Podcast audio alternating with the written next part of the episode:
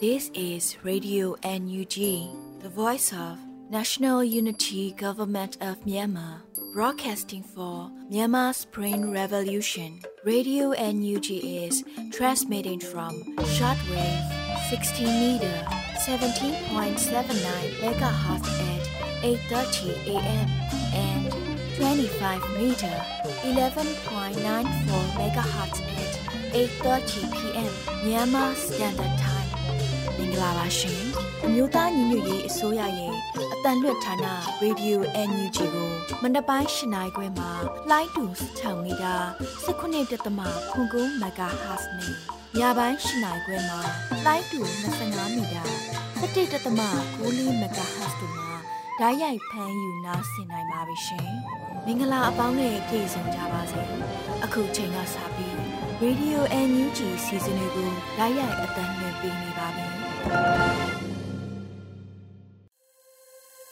မြန်မာနိုင်ငံသူနိုင်ငံသားအပေါင်းတဘာဝပေးဆရာနာရှင်ပေတို့ကနေကင်းဝေးပြီးကိုစိတ်နှစ်ပါးပေးကင်းလုံခြုံကြပါစေလို့ရေဒီယိုအန်ယူဂျီခွဲသားများကဆုတောင်းမြတ်တာပို့သလိုက်ရပါတယ်။အခုချိန်ကစပြီးကာကွယ်ရေးဝန်ကြီးဌာနရဲ့စီးရေးသတင်းချင်းချုပ်ကိုတော့ຫນွေဦးလင်ကမှဖတ်ကြားတင်ပြပေးပါရမရှင်။ ကာကွယ်ဝင်ကြီးဌာနအမျိုးသားညီညွတ်ရေးဆိုရမှာ29ရက်ဩဂတ်လ2022ခုနှစ်ထုတ်ဝေတဲ့စစ်ရေးသတင်းကျဉ်းချုပ်ကိုတင်ဆက်ပေးတော့မှာဖြစ်ပါတယ်။စစ်ကောင်စီတပ်သား18ဦးသေဆုံးပြီး10ဦးဒဏ်ရာရရှိခဲ့ကြောင်းသတင်းရရှိပါရခင်ဗျာ။စစ်ကောင်စီနဲ့တိုက်ပွဲဖြစ်ပွားမှုသတင်းတွေကိုတင်ဆက်ပေးကြပါမယ်။ကင်းဒီကယားပြည်နယ်မှာဩဂတ်လ26ရက်နေ့ကဒီမော့ဆိုမြို့နယ်6မိုင်ကျွော်တောင်ပေါ်မှာတက်ဆွဲလှုပ်ရှားနေတဲ့စစ်ကောင်စီတပ်ဖွဲ့အား KNDF B09 မှဒရုန်းနဲ့ပုံကျဲခြင်းစနိုက်ပါနဲ့ပစ်ကတ်ခြင်းတို့ကြောင့်စစ်ကောင်စီတပ်သားတဦးသေဆုံးခဲ့ကြောင်းသတင်းရရှိပါရခင်ဗျာ။မွန်ပြည်နယ်မှာဩဂတ်လ26ရက်နေ့မနက်6နာရီခန့်ကကြိုက်ထူမြို့နယ်မုတ်ပလင်စံပြကျွော်အုပ်စုမယန်းကြောင်အောက်စုအုပ်ရှိချံကွေအနီးမှာစစ်ကောင်စီရင်ထဲအားလုံခြုံရေးယူပေးနေတဲ့စစ်ကောင်စီတပ်သားများကိုပြည်သူ့ကာကွယ်တပ်ပေါင်းစုကမိုင်းဆွဲတိုက်ခိုက်ခဲ့ရာ စစ်ကောင်စီတပ်ဖွဲ့ဝင်3ဦးနေရာမှာတိုက်ဆုံခဲ့ပြီး2ဦးထိခိုက်ဒဏ်ရာရရှိခဲ့ပါတယ်။မိုင်းဆွဲတက်ခိုက်ခံရပြီးတဲ့နောက်မှာအထိနာတဲ့စစ်ကောင်စီတပ်ကအနီးဝန်းကျင်ကျွော်များမှာဒေသခံအမျိုးသား၁၀ဦးအားဖမ်းဆီးခေါ်ဆောင်သွားခဲ့ပြီးညနေပိုင်းမှာပြန်လွှတ်ပေးခဲ့ကြောင်းသတင်းရရှိပါရခင်ဗျာ။ စကိုင်းတိုင်းမှာဩဂတ်စ်လ29ရက်နေ့မနက်7:20မိနစ်အချိန်ခန့်ကကျွန်းလှမြို့နယ်ညောင်ပင်ကျွော်မှာထွက်လာတဲ့ခမာယာ361ခမာယာ369စစ်ကောင်စီကင်းထောက်ရှိပြီးတပ်သားများကိုပေပင်ကြောင်တုတ်တန်နီမှာဒေသခံကာကွယ်တပ်ဖွဲ့ UG မှမိုင်းဆွဲတိုက်ခိုက်ခဲ့တဲ့အတွက်ကြောင့်စစ်ကောင်စီတပ်သား9ဦးသေဆုံးခဲ့ကြောင်းသတင်းရရှိပါရခင်ဗျာ မကွေးတိုင်းမှာဩဂတ်လ29ရက်နေ့မနက်10:20မိနစ်အချိန်ခန့်ကမြိုင်မြို့နယ်အနောက်ပိုင်းဝဲတောင်ကျွော်အနီးမှာအင်အား180ခန့်ပါစစ်ကောင်စီနဲ့ယူစောတိပူပေါင်းစစ်ကြောင်းအားဒေသကာကွယ်ရေးမဟာမိတ်တပ်ပေါင်းစုမှစီးနင်းတိုက်ခိုက်ခဲ့ရာစစ်ကောင်စီဘက်မှတေဆုံးသူနဲ့ထိခိုက်ဒဏ်ရာရရှိသူများစွာရှိနိုင်ကြောင်းသတင်းရရှိပါရခင်ဗျာ။ ဩဂတ်စ်လ26ရက်နေ့မနက်09:30မိနစ်အချိန်ခန့်ကရေစကြိုမြို့နယ်ရေလေကျွန်းဒေသမင်းရွာမှာတက်ဆွဲထားတဲ့စစ်ကောင်စီအင်အား20ခန့်ကဩဂတ်စ်လ24ရက်နေ့မနက်9:00နာရီမှာဖြစ်ပွားခဲ့တဲ့တိုက်ပွဲအတွင်းတေဆုံးခဲ့တဲ့စစ်ကောင်စီများအားအမိတ်ပြန်တန်းလုပ်နေစဉ်ပြည်သူ့ကာကွယ်မဟာမိတ်ပူးပေါင်းတပ်ဖွဲ့ဝင်ပြည်သူ့တပ်မတော်မြောင်စကိုင်းခရိုင်တရင်နှင့်မြောင်တက်ခွဲတုံးမှတက်ခွဲမှုနဲ့အဖွဲ့ CDS ဆိုရမြဲ drone ဖွဲ့နဲ့ CDS ဆိုရမြဲမြောက်ပိုင်း012အဖွဲ့ မြင်းမှုမျိုးပြပျော်လန်ရေးအဖွဲ့ CRF မြင်းမှုမြောင် Fighters People Defense Force တလုတ်မြင်းကြံခရိုင်တရင်နှင့် MGN Ranger MGN Tiger Wolf Brother နဲ့ရေလေကျွန်းဒေသခံကာကွယ်တပ်ဖွဲ့များက drone အီနာကဘုံတီနဲ့နှစ်ကြိမ်တိုက်ခိုက်ခဲ့ရာစစ်ကောင်စီတပ်သား9ဦးသေဆုံးနိုင်ပြီးဒဏ်ရာရရှိသူများနိုင်ကြောင်းသတင်းရရှိပါရခင်ဗျာ မန္တလေးတိုင်းမှာဩဂတ်စ်လ26ရက်နေ့မနက်9:00နာရီခန့်ကဝန်ဒရင်းမြို့နယ်ရန်ကုန်မန္တလေးလမ်းဟောင်းရှော့ပင်ရွာအနီးမှာစစ်ကောင်စီရင်နှဲအား Wind Wing Township Revolution Force WTRF အဖွဲ့မှပဒေသာမိုင်းနဲ့တိုက်ခိုက်ခဲ့ရာစစ်ကောင်စီတပ်သား၄ဦးသေဆုံးခဲ့ပြီး၃ဦးဒဏ်ရာရရှိခဲ့ကြောင်းသတင်းရရှိပါရခင်ဗျာ။ပဲခူးတိုင်းမှာဩဂတ်စ်လ26ရက်နေ့မနေ့9:00နာရီခန့်က ဖြူမြို့နယ်စာကုန်းစစ်စေးရေးဂိတ်မှာချိန်ကိုက်ပုံပေါက်ကွဲခဲ့ပြီးလုံခြုံရေးတာဝန်ကျရဲတပ်ချက်မောင်းနိုင်ပါဝင်ရဲငါးဦးတန်ရာရရှိခဲ့ကြောင်းသတင်းရရှိပါရခင်ဗျာရန်ကုန်တိုင်းမှာဩဂတ်စ်လ26ရက်နေ့ည9:00နာရီခန့်က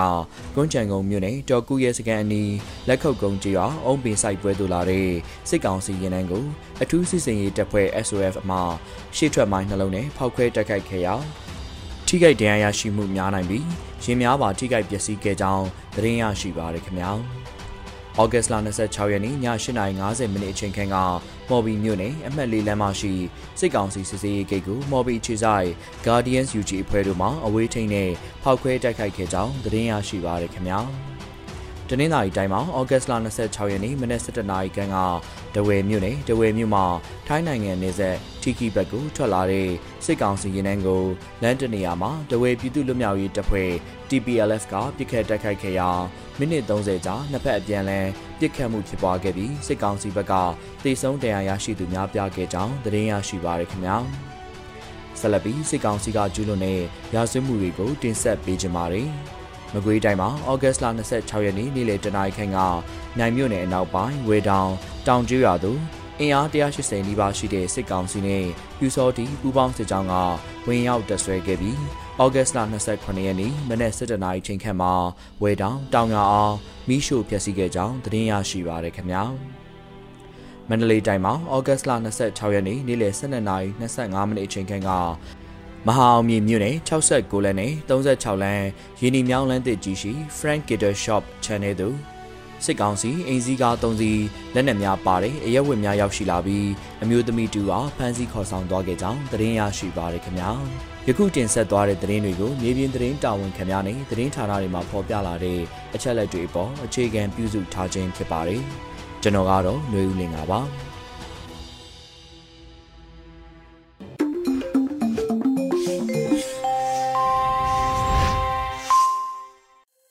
ဗီဒီယိုညွှန်ချီမှာဆက်လက်တင်ပြနေပါတယ်။အခုဆက်လက်ပြီးနောက်ဆုံးရသတင်းများကိုຫນွေဦးလီပြေမှဖတ်ကြားတင်ပြပေးပါတော့မယ်ရှင်။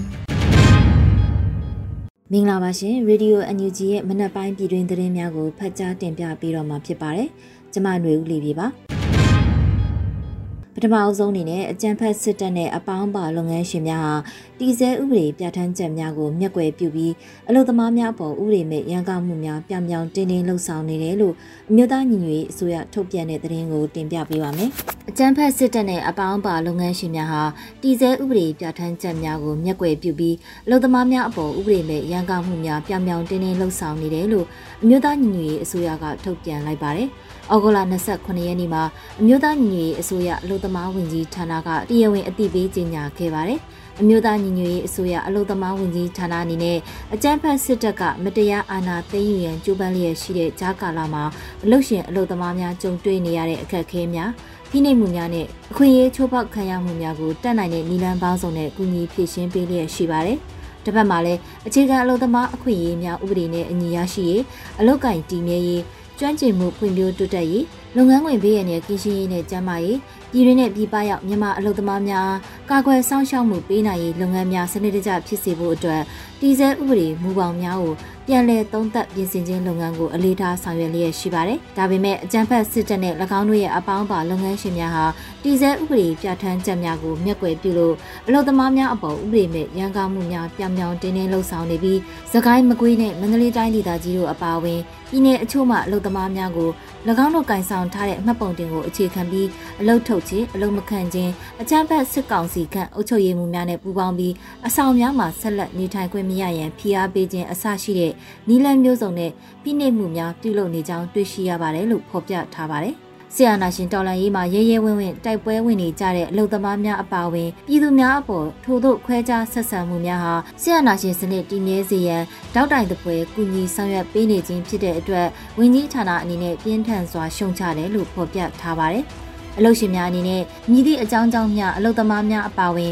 ပြည်သူအလုံးအပေါ်ခွဲခြားဆက်ဆံမှုမပြုလုပ်ရတဲ့အတက်နိုင်ဆုံးကူညီဖေးမှခြင်းဖြင့်ဆရာနာရှင်တော်လန်ရေးမှာတစ်ဖက်တစ်လမ်းမှပူးပေါင်းပါဝင်ကြရန်တိုက်တွန်းအပ်ပါတယ်လို့ဆိုထားပါတယ်။လုပ်ငန်းဝင်ဒါမှမဟုတ်အလုပ်ခံထားမှုမှာတနည်းနည်းနဲ့ခွဲခြားဆက်ဆံခံရတဲ့အလုပ်သမားများအနေနဲ့အလုပ်သမားဝန်ကြီးဌာနတိုင်ကြားရေးရန်ရာကိုတိုင်ကြားရန်နဲ့ထို့သောအခြေခံလူအခွင့်အရေးနဲ့အလုပ်သမားအခွင့်အရေးချိုးဖောက်နေတဲ့အလုပ်ရှင်များကိုမှတ်တမ်းများရယူပြီးထိရောက်စွာအရေးယူဆောင်ရွက်သွားမည်ဖြစ်ကြောင်းအလုပ်သမားဝန်ကြီးဌာနကဆိုလိုက်ပါတယ်ရှင်။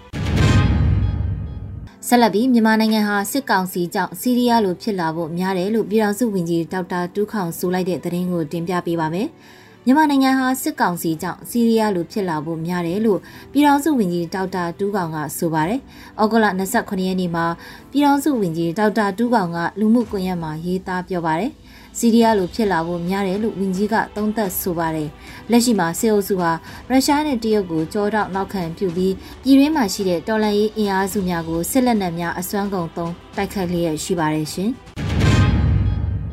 ဆက်လက်ပြီးဒေါအောင်ဆန်းစုကြည်ရဲ့တားငယ်ကိုထိန်လင်းရဲ့တစ်ထွင်းပကြီးစံရည် project 48နာရီအတွင်းမဲလက်မှတ်ဆောင်ရည်3500ရောင်းချရပြီး American Dollar 3သိန်းခွဲရရှိထားတဲ့သတင်းကိုတင်ပြပေးပါမယ်။ဒေါအောင်ဆန်းစုကြည်ရဲ့တားငယ်ကိုထိန်လေးရဲ့တစ်ထွင်းပကြီးစံရည် project ဟာ48နာရီအတွင်းမဲလက်မှတ်ဆောင်ရည်3500ရောင်းချရပြီး American Dollar 3သိန်းခွဲရရှိထားပါတယ်။ဩဂုတ်လ28ရက်နေ့မှာဒေါ်လာရေးရန်ပုံငွေရှာဖွေပေးနေတဲ့မက်ပန်ဆယ်လိုကအသိပေးပြောပါတယ်။ 48နာရီအတွင်းတစ်ကက်အဆောင်ရေး3500 US ဒေါ်လာ3သိန်းခွဲ fundraise လုပ်နိုင်ခဲ့တယ်ဆိုတဲ့သတင်းကိုကိုထိန်လင်းကြားသိပြီးအရန်ကိုအန်အော်ဝမ်းတာနေကြောင်းကြားသိရပါတယ်။ကိုထိန်လင်းအနေနဲ့ဒီကာလဟာသူ့အတွက်အင်မတန်ခက်ခဲပင်ပန်းတဲ့ကာလဖြစ်ပါလိမ့်မယ်။ နိုဘယ်ဆုရှင်လူထုခေါင်းဆောင်ကဘာတိခေါင်းဆောင်ဆိုတဲ့ဂုံပုတ်တွေကိုဖယ်ထားလိုက်အောင်ကိုထိန်လင်းအတွက်တော့အသက်80နီးနီးသူ့ရဲ့အမေဟာစစ်ဘလူးတွေလက်ထဲမှာဖမ်းဆီးချုပ်နှောင်ခံထားရခြင်းဖြစ်ပါတယ်လို့ဆိုပါတယ်။မဲလက်မှတ်ရောင်းချရငွေအားလုံးကိုမတရားမှုကိုတော်လှန်ဖို့နဲ့ဘေးဒဏ်သင့်ပြည်သူတွေအတွက်အပြည့်အဝပြန်လည်လှူဒန်းသွားမှာဖြစ်ပါတယ်။စံရည်အမည်ရှိတစ်ထွင်းပကြီးရဲ့ကန်ထူးသူကိုကိုထိန်နှင်းကိုယ်တိုင် live နဲ့မဲနိုင်ပေးသွားမှာဖြစ်ပါတယ်ရှင် မြမနွေဦးတော်လန်ရေးအတွက်သာမက Federal တက်မတော်အတွက်ပါအရေးပါတဲ့အင်အားစုတရက်ဖြစ်ထွန်းလာစေမဲ့ Project Skywalk ကိုပြည်သူများအားဖြည့်ဖို့တိုက်တွန်းဆိုတဲ့သတင်းကိုလည်းတင်ပြပေးပါမယ်။မြန်မာနွေဦးတော်လန်ရေးအတွက်သာမက Federal တက်မတော်အတွက်ပါအရေးပါတဲ့အင်အားစုတရက်ဖြစ်ထွန်းလာစေမဲ့ Project Skywalk ကိုပြည်သူများအဖြစ်ဖို့ဩဂုတ်လ28ရက်နေ့မှာအသိပေးဖော်ပြထားပါတယ်။လက်ရှိမြမနွေဦးတော်လှန်ရေးမှာလည်း drone တွေဟာစစ်အာဏာရှင်စနစ်ကိုခုခံတွန်းလှန်နိုင်ဖို့ကပြအသုံးတော်ခံနေကြတာဖြစ်ပါတယ်။2022ခုနှစ်ပထမလေးလတာကာလရဲ့စစ်ကောင်စီတပ်သားထိခိုက်သေးဆုံးဒဏ်ရာရတဲ့အကြောင်းအရင်းတွေထဲမှာ drone နဲ့တိုက်ခိုက်ခံရမှုလည်းတစ်ခုအပါအဝင်ဖြစ်ပါတယ်။ဒါပြင်ရုရှားနိုင်ငံရဲ့ကျူးကျော်စစ်တမ်းကိုခံနေရတဲ့ယူကရိန်းနိုင်ငံမှာလည်း drone တွေကိုအသုံးပြုပြီးခုခံတော်လှန်စစ်ကိုဆင်နွှဲနေကြပါတယ်။မြမနွေဦးတော်လှန်ရေးအတွက်သာမက Federal တပ်မတော်အတွက်ပါအရေးပါတဲ့အင်အားစုတရက်ဖြစ်ထွန်းလာစေမဲ့ Project Skywalk ကိုအားဖြည့်ကြရအောင်ပါလို့ဆိုထားပါတယ်။2021ခုနှစ်ဇွန်လ1ရက်နေ့မှ2022ခုနှစ် ဇွန်လ30ရက်နေ့အထိတိုက်ပွဲပေါင်း9338ပွဲမှာစစ်ကောင်စီတပ်သားပေါင်းသေဆုံးသူ18116ဦးရှိခဲ့ပြီးထိခိုက်ဒဏ်ရာရသူ6128ဦးရှိကတိုက်ခိုက်မှုများထဲမှာ drone စစ်စင်ရေးလည်းအပါအဝင်ဖြစ်ပါတယ်ရှင်။ အခုဆက်လက်ပြီးရန်ကုန်မြို့ကြီးမြင့်နိုင်မြို့နယ်မှာဆန္ဒပြလူငယ်များကိုစစ်ကားဖြင့်တိုက်ဖမ်းရန်ကုတ်ခဲခဲ့သူစစ်တပ်အရာရှိရဲ့ဇနီးကိုအင်းတော်နဲ့မေစာကြားဖမ်းမိပေမဲ့အန်ယူဂျီစကိုင်းတိုင်းစစ်ဒေသရုံးကပြန်လွှတ်ရန်အမိန့်ပေးခဲ့တဲ့သတင်းကိုတင်ပြပေးပါမယ်။ရန်ကုန်မြို့ကြီးမြင့်နိုင်မြို့နယ်မှာဆန္ဒပြလူငယ်များကိုစစ်ကားနဲ့တိုက်ဖမ်းရန်ကုတ်ခဲခဲ့တဲ့စစ်တပ်အရာရှိရဲ့ဇနီးကိုအင်းတော်နဲ့မေစာကြားဖမ်းမိပေမဲ့အန်ယူဂျီစကိုင်းတိုင်းစစ်ဒေသရုံးကပြန်လွှတ်ပေးရန်အမိန့်ပေးခဲ့တယ်လို့သတင်းရရှိပါတယ်။ ဩဂုတ်လ28ရက်နေ့နနက်ပိုင်းမှာအကြမ်းဖက်စစ်တပ်ရဲ့ဇနီးဖြစ်သူကိုပြန်လွှတ်ပေးခဲ့တယ်လို့အင်းတော် PDF တပ်ဖွဲ့ဝင်တဦးကအတည်ပြုပြောပါတယ်။သူယောက်ျားကအရာရှိပါကြီးမြနိုင်မြို့နယ်မှာဆန္ဒပြလူငယ်တွေကိုကားနဲ့တိုက်ဖမ်းတာမှာကြောက်လို့ဆိုပြီးသူ့အမျိုးသမီးရဲ့ရွာဟိုပင်မြို့နယ်နန်းခွင်ရွာကိုပို့ထားတာပါအခုဟိုပင်ကနေမန္တလေးကိုကားစီးပြီးပြန်လာပြအင်းတော်နဲ့မေဇာကြားဖမ်းမိပေမဲ့သကိုင်းတိုင်းစစ်ဒေသရုံးကလွှတ်ပေးဖို့အမိန့်ပေးပါတယ်ဗျ ကျွန်တော်တို့ရဲဘော်တွေကတော့လွှတ်ပေးလို့စိတ်ပြတ်နေပါတယ်လို့ဆိုပါတယ်။ဩဂုတ်လ26ရက်နေ့မွန်းလယ်2နာရီအချိန်တရင်အတီအကျနဲ့အင်ဒို PDF များကဖမ်းဆီးရမိပေမဲ့လည်းစကိုင်းတိုင်းစစ်ဒေသရုံးကပြန်လွတ်ခိုင်း၍ဩဂုတ်လ28ရက်နေ့နနက်ပိုင်းမှာစစ်ကောင်စီတပ်ရဲ့အရာရှိဇနီးကိုပြန်လွတ်ပေးလိုက်တယ်လို့သတင်းရရှိပါတယ်ရှင်။ အခုဆက်လက်ပြီးစနေနေ့တိုင်းထောင်တွင်းလူသက်မှုကျူးလွန်နေကြသည့်ဗန္နာကိုရန်ကုန်မြို့ရဲ့အထင်ကရနေရာတစ်ခုမှာချိတ်ဆွဲဆိုတဲ့သတင်းကိုတင်ပြပေးပါမယ်။စနေနေ့တိုင်းထောင်တွင်းလူသက်မှုကျူးလွန်နေကြသည်ဆိုတဲ့ဗန္နာကိုရန်ကုန်မြို့ရဲ့အထင်ကရနေရာတစ်ခုမှာချိတ်ဆွဲခဲ့ပါတယ်။ဩဂုတ်လ28ရက်နေ့ရန်ကုန်မြို့ရဲ့အထင်ကရနေရာတစ်ခုမှာပြည်သူအကျိုးပြုလူငယ်အဖွဲ့အစည်းရေပွဲမှလှုံ့ဆော်ခဲ့တာဖြစ်ပါတယ်။ရန်ကုန်မြို့ရဲ့အထင်ကရနေရာတစ်ခုမှာ ပြည်သူအကျိုးပြုလူငယ်အဖွဲ့အစည်းရေပွဲမှစနေနေ့တိုင်းထောင်တွင်းလူသတ်မှုကျူးလွန်နေကြသည့်ဆိုင်ရန်အားချိတ်ဆွဲပြီးအကြမ်းဖက်တပုံစစ်တပ်ရဲ့ထောင်တွင်းလူသတ်မှုကျူးလွန်နေမှုများကိုပြည်သူလူထုနဲ့နိုင်ငံတကာမှသတိချက်စီရန်လှုံ့ဆော်မှုတရက်ပြုလုပ်ခဲ့ကြပါတယ်။အကြမ်းဖက်စစ်တပ်ဟာဖေဖော်ဝါရီလ၁ရက်နေ့2021ခုနှစ်အမတရားအာဏာသိမ်းယူခဲ့တဲ့အချိန်ကစပြီးမျက်ကွယ်သေးတံချမှတ်ခံရသူ42ဦးအပါအဝင်122ဦးမှာမျက်ကွယ်သေးတံချမှတ်ခြင်းခံထားရပါတယ်ရှင်။ ဆက်လက်ပြီး 9mm စီမီအော်တိုမောင်းပြန်တနက်တီထွင်အောင်မြင်တယ်လို့အသိပေးတဲ့သတင်းကိုတင်ပြပေးပါမယ်။ 9mm စီမီအော်တိုမောင်းပြန်တနက်တီထွင်အောင်မြင်တယ်လို့မြေလက်ဒေတာပျောက်ကြားတပ်ဖွဲ့ MRG ကအသိပေးဖော်ပြပါရတယ်။ဒီတနက်ကို Scarlet ပျောက်ကြားတပ်ဖွဲ့တဲ့မြေလက်ဒေတာပျောက်ကြားတပ်ဖွဲ့ MRG တို့ထုတ်လုပ်ခဲ့ခြင်းဖြစ်တယ်လို့မြေလက်ဒေတာပျောက်ကြားတပ်ဖွဲ့ MRG ကသတင်းထုတ်ပြန်ထားပါတယ်။ဆက် 9mm စီမီအော်တိုမောင်းပြန်တနက်ဟာ ကြီးအတောင့်30ဆန့်ကထဲသွင်းပြစ်ခတ်ပြတဲ့ရုပ်တံကိုဖော်ပြခဲ့ပါတယ်။စကိုင်းတိုင်းအတွင်းမှာစစ်ကောင်စီတပ်တွေဟာတော်လှန်ရေးအင်အားစုများခုခံတိုက်ခိုက်မှုကြောင့်အထိနာကြဆုံးမှုများပြားလျက်ရှိနေပါတယ်ရှင်။ဆက်လက်ပြီးကဏီမြို့နယ်ချောင်းမရွာကိုအကြမ်းဖက်စစ်တပ်များဝင်ရောက်တောင်းကျမ်း၍အမျိုးသား9ဦးတပ်ဖြတ်ခဲ့ဆိုတဲ့သတင်းကိုတင်ပြပေးပါမယ်။ စကိုင်းတိုင်းကဏီမြို့နယ်ချောင်းမရွာကိုအကြမ်းဖက်စစ်တပ်များဝင်ရောက်တောင်းကျမ်း၍အမျိုးသား9ဦးကိုတပ်ဖြတ်ခဲ့တယ်လို့သတင်းရရှိပါတယ်။ဩဂုတ်လ26ရက်မှာမုံရွာရာကြီးကလေးဝကာလန်ချောင်းမရွာကိုစစ်ကောင်စီတပ်များဟာဝင်ရောက်တောင်းကျမ်းဖျက်ဆီးခဲ့တယ်လို့ဒေသခံသတင်းအရင်းမြစ်များစီကသတင်းရရှိပါတယ်။ထို့သောဝင်ရောက်တောင်းကျမ်းရာမှာအမျိုးသား9ဦးကိုတပ်ဖြတ်ထားခဲ့ပြီးမိသူမိဝါမှန်းမသိရသေးဘူးလို့သိရပါတယ်။ စစ်ကြောင်းထိုးခဲ့တဲ့စစ်ကောင်စီများဟာမုံရွာရာကြီးကလေးဝလန်အနီခရီးသွားကားလေးစီးဆိုင်ကယ်နှစ်စီးကိုမိရှို့ဖျက်ဆီးခဲ့ပါသေးတယ်။အခုတင်ပြပေးခဲ့တဲ့သတင်းတွေကိုတော့ Radio NUG သတင်းတောက်မင်းမင်းကပေးပို့ထားတာဖြစ်ပါတယ်။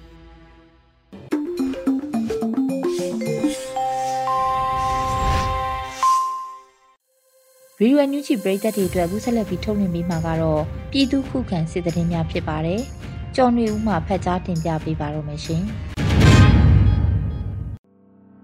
ထမဆုံးအနေနဲ့ထီလင်းမြို့ပေါ်ရှိရဲစခန်းနဲ့စီးပွားရေးဗန်ဝင်းကို YDF ပူးပေါင်းတပ်များကလက်နက်ကြီးများဖြင့်ပစ်ခတ်တဲ့တဲ့တင်ဆက်ပါပါမကွေးတိုင်းထီလင်းမြို့ပေါ်ရှိအကြမ်းဖက်စစ်ကောင်စီတပ်ဖွဲ့များတပ်ဆွဲထားတဲ့ရဲစခန်းဝင်းနဲ့စီးပွားရေးဗန်ဝင်းကိုထီလင်း YDF ပူးပေါင်းတပ်ဖွဲ့များကလက်နက်ကြီးများဖြင့်ပစ်ခတ်တိုက်ခိုက်ခဲ့ပြီးရဲတအုပ်တေဆုံးခဲ့ကြောင်း YDF ထီလင်းတပ်ဖွဲ့ထံမှသိရပါတယ်။ဩဂုတ်လ25ရက်နေ့ညနေ4နာရီခန့်မှာတောင်ရဲစခန်းဝင်းကိုပစ်ခတ်တိုက်ခိုက်ခဲ့ပြီး လူပြိုဆောင်ရှိတွင်လက်နက်ကြီးတစ်လုံးကြားရောက်ပောက်ကွဲခဲ့ကရဲတအူတေဆုံးပြီး၃ဦးထိခိုက်ဒဏ်ရာရရှိခဲ့တာပါ။ဩဂုတ်လ26ရက်နေ့မွန်းလွဲ12နာရီခန့်မှာစီးပွားရေးဗန်ဝင်အတွင်းသို့လက်နက်ကြီးတစ်လုံးကြားရောက်ပောက်ကွဲခဲ့ပြီးစစ်ကောင်စီတပ်ဖွဲ့ဝင်များထိခိုက်တေဆုံးမှုရှိမရှိကိုတော့အတိမပြုနိုင်သေးပါဘူး။နောက်ဆုံးအနေနဲ့ရန်ကုန်ကိုညံကုန်းမြို့နယ်တွင်စစ်ကောင်စီရင်နှံမိုင်းဆွဲတိုက်ခိုက်ခံရပြီးထိခိုက်ဒဏ်ရာရမှုများပြားတဲ့တဲ့တင်တင်ဆက်ပါမယ်။ ရန်ကုန်တောင်ပိုင်းခရိုင်ကုန်းညံကုန်းမြို့နယ်တော်ကူးရဲစခန်းနီးလက်ခုပ်ကုန်းကျေးရွာအုံးပင်စိုက်ပွဲသို့လာတဲ့အကြမ်းဖက်စစ်ကောင်စီရင်နှန်းကိုဩဂုတ်လ28ရက်နေ့နနက်8:30မိနစ်ခန့်တွင်အထူးစစ်စင်ရေးတပ်ဖွဲ့ SOF မှမိုင်းဆွဲတိုက်ခိုက်ခဲ့ပြီးထိခိုက်ဒဏ်ရာရမှုများပြားကြောင်း SOF တပ်ဖွဲ့ထံမှသိရပါဗျ။မိုင်းဆွဲတိုက်ခိုက်ခံရတဲ့ရင်နှန်းတွင်စစ်ကောင်စီလက်အောက်ခံမြို့နယ်ကောင်စီဝင်များနဲ့အုပ်ချုပ်ရေးမှူးများစစ်သားနဲ့ရဲများလိုက်ပါလာပြီး ရင်နှန်းကိုရှစ်ထွက်မိုင်းနှလုံးဖြင့်ဖောက်ခွဲတိုက်ခိုက်ခဲ့ကထိခိုက်ဒဏ်ရာရရှိမှုများပြားပြီးရင်များပါထိခိုက်ပျက်စီးခဲ့ကြောင်းသိရပါတယ်ခင်ဗျာ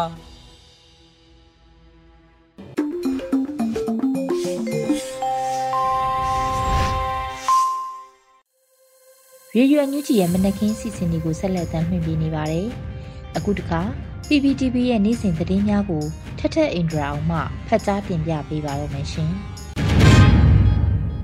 အခုချိန်ကစပြီး PPTV သတင်းတွေကိုတင်ဆက်ပြီးတော့မှာပါကျွန်မထထအိန္ဒရာအောင်ပါ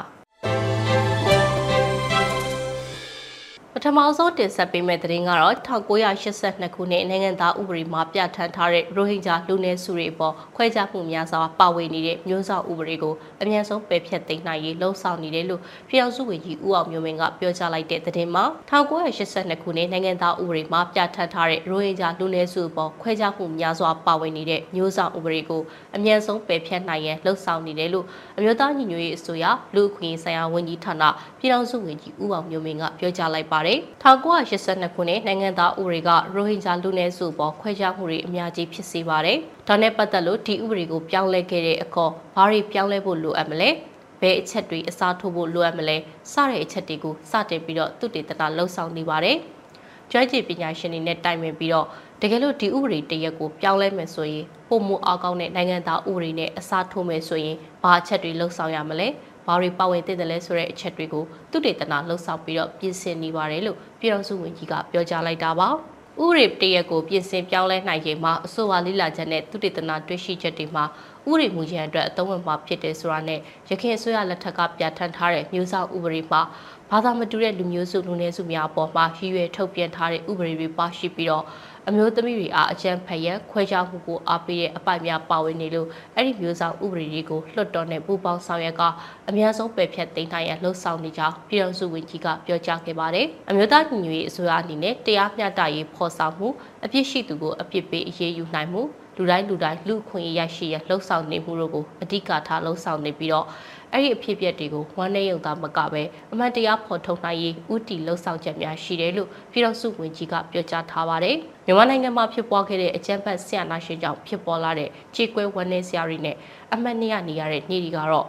2018ခုနှစ်အတွင်းက အကြမ်းဖက်ဆဲကရိုဟင်ဂျာတွေအပေါ်ရက်ဆက်ရုံမှပြီးတော့လူမျိုးသုံးစီရဲ့ရည်ရွယ်ချက်နဲ့တပ်ဖြတ်ခဲ့တဲ့နေ့ဟာလည်းအပါအဝင်ဖြစ်ပြီးတော့လက်နက်အင်အားလူအင်အားတွေအပြင်စီမံကိန်းတွေနဲ့စနစ်တကျအကွက်ချတပ်ဖြတ်ခဲ့တဲ့ဒီဖြစ်စဉ်ကြောင့်ရိုဟင်ဂျာပြည်သူများစွာတပ်ဖြတ်ခံထိခဲ့ပြီးတော့ရွာပေါင်းများစွာပျက်စီးဆုံးရှုံးပြီးအိုးမဲ့အိမ်မဲ့ဖြစ်ခဲ့ရတယ်လို့ဦးအောင်မျိုးမင်းကပြောပါတယ် အမျိုးသားညီညွတ်ရေးအစိုးရအနေနဲ့မြန်မာနိုင်ငံမှာရိုဟင်ဂျာတွေပေါ်ကျူးလွန်ခဲ့တဲ့အမှုကိစ္စနဲ့ပတ်သက်ပြီးတော့ ICJPP ဆိုင်ရာတရားရုံးရဲ့တရားစီရင်မှုကိုလက်ခံကအဲ့ဒီဖြစ်စဉ်မှာအမှုမှန်ပေါ်ပေါက်ဖို့အတွက် ICJ တရားရုံးနဲ့ပူးပေါင်းဆောင်ရွက်မှာဖြစ်တယ်လို့ပြည်ထောင်စုဝန်ကြီးဦးအောင်မျိုးမင်းကပြောကြားထားပါတယ်။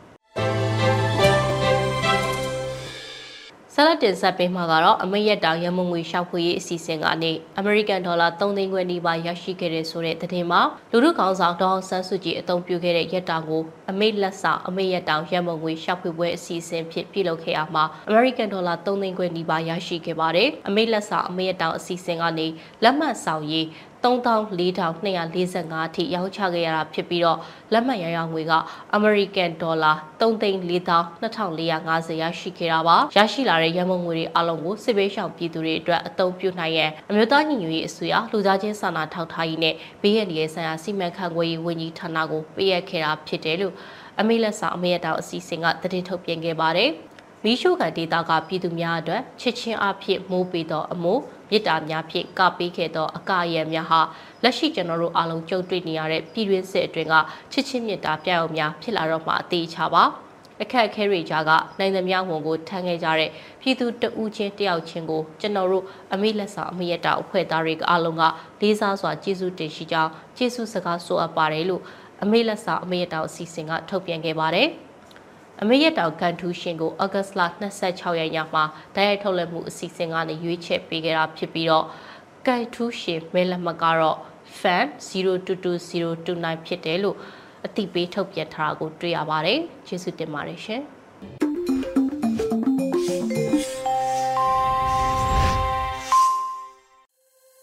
ဗီဒီယိုညူချီပရိသတ်တွေအတွက်ခုနောက်ဆုံးထုတ်လွှင့်ပေးမယ့်စီစဉ်ကတော့တိုင်းရင်းသားဘာသာစကားနဲ့သတင်းထုတ်လွှင့်မှုအနေနဲ့ချိုးချင်းဘာသာစကားခွဲတစ်ခုဖြစ်တဲ့မွန်ဘာသာဖြင့်သတင်းထုတ်လွှင့်မှုကိုနားဆင်ကြရတော့မှာဖြစ်ပါတယ်။ဒီစီစဉ်ကို Radio NUG နဲ့ချိုးချင်းဘာသာစကားသတင်းထုတ်လွှင့်မှုခွဲတို့ကပူးပေါင်းတင်ဆက်ထားတာဖြစ်ပါတယ်ရှင်။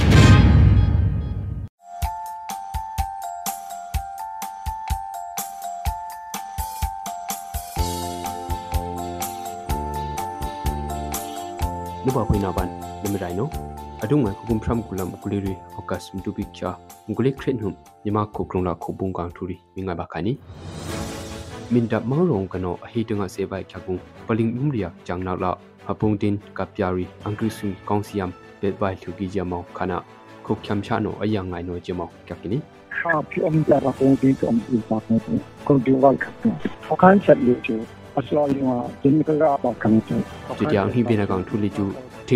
พงกานันซีดีเอ็มแข่งซึ่งก็กิบเล็กเพียเพื่อมินดับมังโรมังโรอุงนักอังพุมทังกันอเป็นอะอมองพีตุงไว้ชิงกันอมิงไงกันนี้จุดยางทุ่มนาลิจู CDF มินดัตาพงตุงนายุงอะเสสุนนักกบีบายจีไม่เป็นนากางทูเสเหกบาลุกยา EAO มุมรีอังกฤษสีกองสีตึงกันออดูนาอมขจียမင်းအောင်ထိုင်တော့ပရနာကထူဖီမိငိုင်ခိုင်နီจุดยางทุกอย่างทุลีจู ထိုင်ခုဝန်ချစ်တုံကနောအမင်းဒုံစကပရရတ်ချန်ဦးချာလီဂျူထိုင်ခုရာကောင်ဘူမုံအန်ဘယာအဘိမာနာအော်ဖီဂျမောကြကိနီ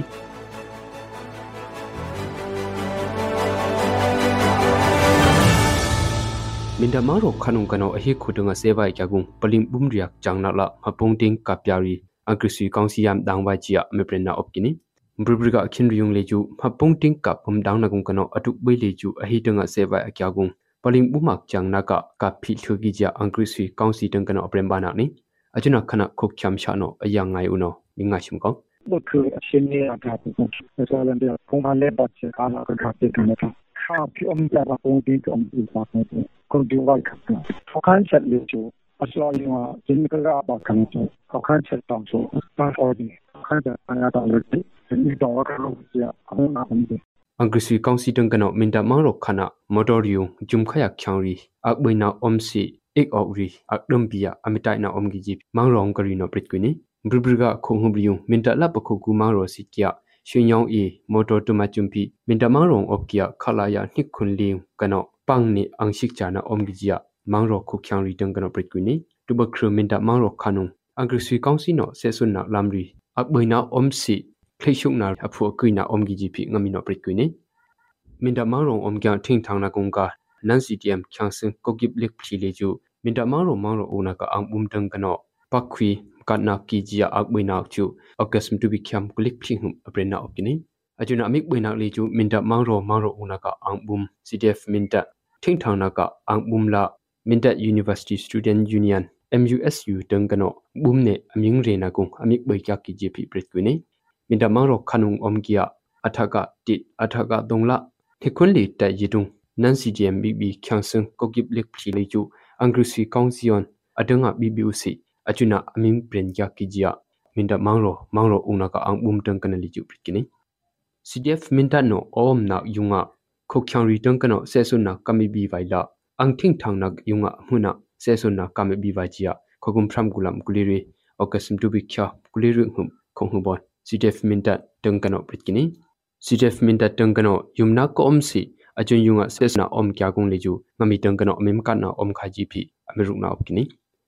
nyama kho akrung ang tungka na ka om bawai NCA lem ha rukia EEO se he kot ang bumriu se he ko ba thki om kya kung angrisi kongsion atanga lone se he da ko bawai chun ka kya kung kho sung kya PGF mum yunga amilo vai jia angrisi kongsi ang vai me online no pritkini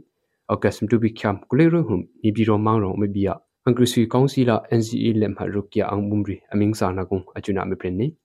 အတူဘယ်မြမခွာကရုံအင်ရီစီအွန်ဘိုင် NCA လက်မှတ်ရုကီယာအောင်ဘုံရီအတငါထုံစာရီငထွိုင်းကီယကစီလောက်ခရခင်ယုံလေကျူမြမခွာကရုံအင်ရီပီစီအွန်ဘိုင်ငမီတန်ကနလေအမိဘူနာအုံဂီဂျာအန်ကရစီကောင်စီအောင်ဘိုင်မီအွန်လိုင်းတန်ကနလေကျူပရစ်ကီနီထိုင်ခုဝန်ချစ်တုံကနောအမင်းဒုံဆာကျာကျာပရရတ်ချန်အိုချာလီကျူ ထိုင်ခုဝန်ချစ်တုံကနောအန်ဒုံကနာထိုင်ခုရာကံဘုံမူအန်ဘိုင်ဝန်ချစ်တုံငါအဘိဘာနာအုံဂီဂျီယာအမတဆိုရှယ်ပလက်ဖောင်းတမတုံကနောအပရင်နာအော့ကိနီထိုင်ခုလာထိုင်ကုံအော့ကျခုချောင်ရီဖွာရာကံဘုံဝန်ချစ်တုံအဘိဝိုင်လေကျူအမတမမောင်ကျကီဂျီဖီပရာယောချန်အိုချာဒုံကနောအပရင်နီထိုင်ခုအကရုံလေကျူငမီယဝန်ချစ်တုံတမအကဒမ်ဘီယခခုခရစ်ဘန်ဘာအုံခါဂျီအမိဘိနာကျစီခခုမ်ဖရမ်ကူလာရှလိခယုံကနောဒုန်နေဝန်ချစ်တုံကျကီယာပရာယောချန်အိုချာလေကျူ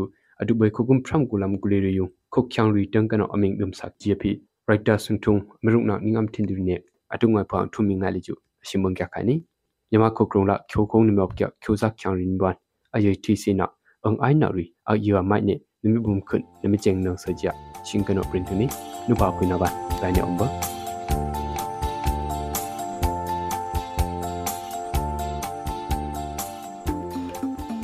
ကနေ့ကတော့ဒီညနေပဲ Radio NUG ရဲ့အစီအစဉ်လေးကိုခေတ္တရ延လိုက်ပါမယ်ရှင်မြန်မာစံတော်ချိန်မနေ့၈နိုင်ခွဲနဲ့ည၈နိုင်ခွဲအချိန်တွေမှာပြောင်းလဲဆိုပြကြပါလို့ရှင် Radio NUG ကိုမနေ့ပိုင်း၈နိုင်ခွဲမှာလိုင်းတူ16မီတာ19.7ခုကူမဂါဟတ်နဲ့ညပိုင်း၈နိုင်ခွဲမှာလိုင်းတူ25မီတာ17.6မဂါဟတ်တို့မှာဓာတ်ရိုက်ဖမ်းယူ နာဆင်နိုင်ပါပြီရှင်မြန်မာနိုင်ငံသူနိုင်ငံသားများကိုစိတ်နှဖျားစမ်းမချမ်းသာလို့ဘေးကင်းလုံခြုံကြပါစေလို့ Radio NUG ရဲ့ဖွဲ့သူဖွဲ့သားများကဆုတောင်းလိုက်ရပါတယ်။ San Francisco Bay Area အခြေစိုက်မြန်မာမိသားစုများနဲ့နိုင်ငံတကာကစေတနာရှင်များလို့အားပေးများရဲ့ Radio NUG ဖြစ်ပါတယ်ရှင်။အရေးတော်ပုံအောင်ရမည်